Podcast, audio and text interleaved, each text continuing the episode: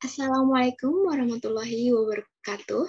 Selamat pagi, siang, sore, dan malam untuk para pendengar setiap podcast RAB. Gimana kabarnya? Semoga teman-teman selalu dalam kondisi sehat, tak kurang suatu apa pun. Pada podcast kali ini, kita akan membawakan tema yaitu zakat sebagai solusi mengatasi kemiskinan. Nah, Ani, Salsabila Fitriana sebagai pemandu podcast kali ini kita akan kedatangan dua narasumber yang gak kalah keren nih. Yaitu yang pertama ada Urelita. Assalamualaikum Ulita, gimana kabarnya? Sehat? Waalaikumsalam, Alhamdulillah sehat. Alhamdulillah, dan ada satu lagi nih, yaitu Ucida. Assalamualaikum Ucida, gimana kabarnya? Sehat? Waalaikumsalam, Alhamdulillah sehat. Alhamdulillah. Nah, langsung aja kita mulai pembahasan kali ini. Pasti teman-teman pada nggak sabar kan buat dengerin podcast kali ini? Yang pertama buat Ucida nih. Apa sih yang Ucida tahu soal zakat? Boleh nih sharing-sharing ke teman-teman. Oke, oh sebelumnya kan saya mau menjelaskan sedikit nih tentang zakat. Nah, zakat kan uh, berasal dari kata zakat ya, yang berarti suci, uh, baik, berkah, tumbuh, dan juga berkembang. Nah, jadi zakat di sini tuh merupakan bagian tertentu dari harta kita yang wajib untuk dikeluarkan oleh setiap muslim apabila dia telah mencapai syarat yang ditetapkan sebagai salah satu dari rukun Islam.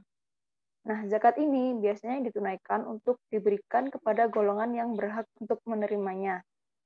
Nah, kenapa dinamakan zakat? Dinamakan zakat ini karena di dalamnya itu terkandung harapan untuk dapat memperoleh berkah, membersihkan jiwa, dan memupuknya dengan berbagai kebaikan. Lalu uh, kan tadi kan dapat uh, tadi kan dalam zakat kan juga diartikan tumbuh ya. Nah, tumbuh di sini tuh berarti mengeluarkan zakat sebagai sebab adanya pertumbuhan dan juga perkembangan harta, di mana pelaksanaan zakat itu mengakibatkan pahala menjadi banyak dan bertumbuh gitu. Sedangkan untuk makna sucinya tadi itu dapat menunjukkan bahwa zakat itu dapat mensucikan jiwa kita dari kejelekan, kebatilan, dan sebagai penyuci dari dosa-dosa kita. Seperti itu, Uh. Masya Allah, terima kasih Ucida. Ani jadi tambah paham nih, kalau nggak semua orang dan kondisi bisa zakat ya. Jadi ada syarat-syaratnya juga kalau mau zakat. Terus gantian nih buat Ulita. Menurut Ulita, apa zakat itu bisa untuk mengatasi permasalahan kemiskinan di Indonesia? Iya, tentu aja bisa nih. Oh, jadi uh, dari yang Ani ketahui itu, uh, zakat itu memang terbukti menjadi salah satu upaya untuk mengatasi persoalan terkait dengan kemiskinan. Di mana nih, uh, salah satu contohnya itu dari Lembaga Amil Zakat Profesional Global Zakat ACT, itu telah berkomitmen untuk terus menebarkan manfaat dalam membantu warga prasejahtera dengan berbagai program. Nah, salah satu programnya ini juga diberikan dari dalam negeri maupun di luar negeri. Nah, untuk yang di dalam negerinya itu biasanya mereka memberikan bantuan uh, terkait dengan biaya hidup dan juga pemberian pangan untuk guru honorer pra prasejahtera seperti juga uh, anak yatim piatu, kemudian uh, marbot masjid serta uh, dai prasejahtera dan uh, lain sebagainya. Kemudian untuk yang program sejahtera di luar negeri, mereka memberikan bantuannya dengan berupa bantuan pangan, pengungsi pengungsi Rohingya dan juga uh, mereka juga membantu menuntaskan kelaparan uh, rakyat Yaman dan uh, lain sebagainya. Nah, sehingga dengan adanya zakat ini tentunya dapat mengurangi ketimpangan antara si kaya dan juga si, si miskin dan dapat meningkatkan kualitas sumber daya uh, manusia seperti itu. Iya nih, Ane setuju banget. Tanpa kita sadari, zakat itu bisa mengatasi permasalahan kemiskinan di Indonesia. Jadi, zakat bukan hanya sekedar mencari pahala, tapi juga membantu teman-teman kita yang membutuhkan di luar sana. Nah, tapi kan butuh strategi ya. Menurut Ucida, strategi yang tepat buat maksimalin peran zakat untuk mengatasi kemiskinan itu kayak gimana sih? Boleh nih sharing-sharing ke teman-teman. Oke, mungkin untuk strateginya itu nanti kan zakat kan udah terkumpul nih. Nah, setelah dana zakat tadi terkumpul dari para muzaki, kemudian zakat ini akan dikelola di dan diperhatikan oleh uh, Badan Amil Zakat yaitu dengan mem memperhatikan tata kelola zakat atau good zakat governance di mana kelembagaan organisasi pengelola zakat ini akan mengelola zakat ini dengan menggunakan standar kompetensi sertifikasi profesi amil zakat, penegakan hukum, political will dari pemerintah, dan pengawasan organisasi pengelola zakat.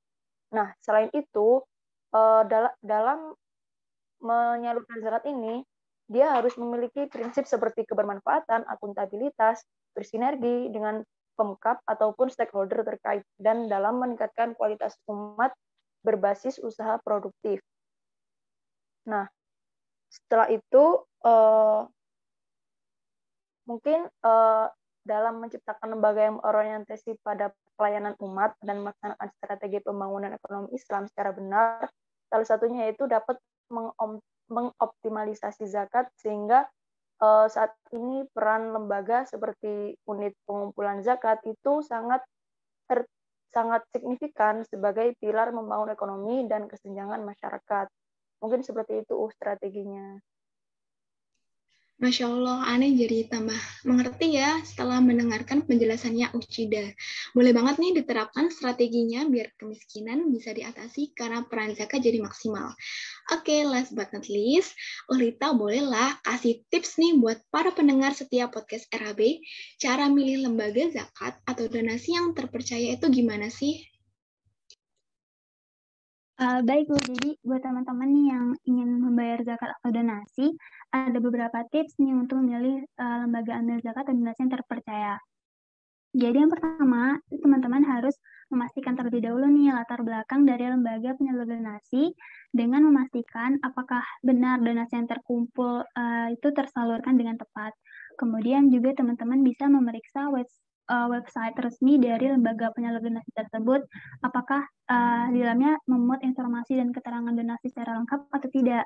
Kemudian yang kedua, nah teman-teman juga harus menimbang nih dari aspek legalitas dari lembaga zakat yang telah disyaratkan oleh Kementerian Agama, seperti yang disarankan oleh Deputi Badan Amil Zakat Nasional atau yang sering kita sebut sebagai Basnas, yaitu Bapak Arifin Purwakanata mengatakan agar masyarakat itu membayar zakat kepada Basnas atau lembaga zakat resmi yang uh, yaitu seperti misalnya lembaga-lembaga yang terdapat di uh, websitenya Basnas seperti itu.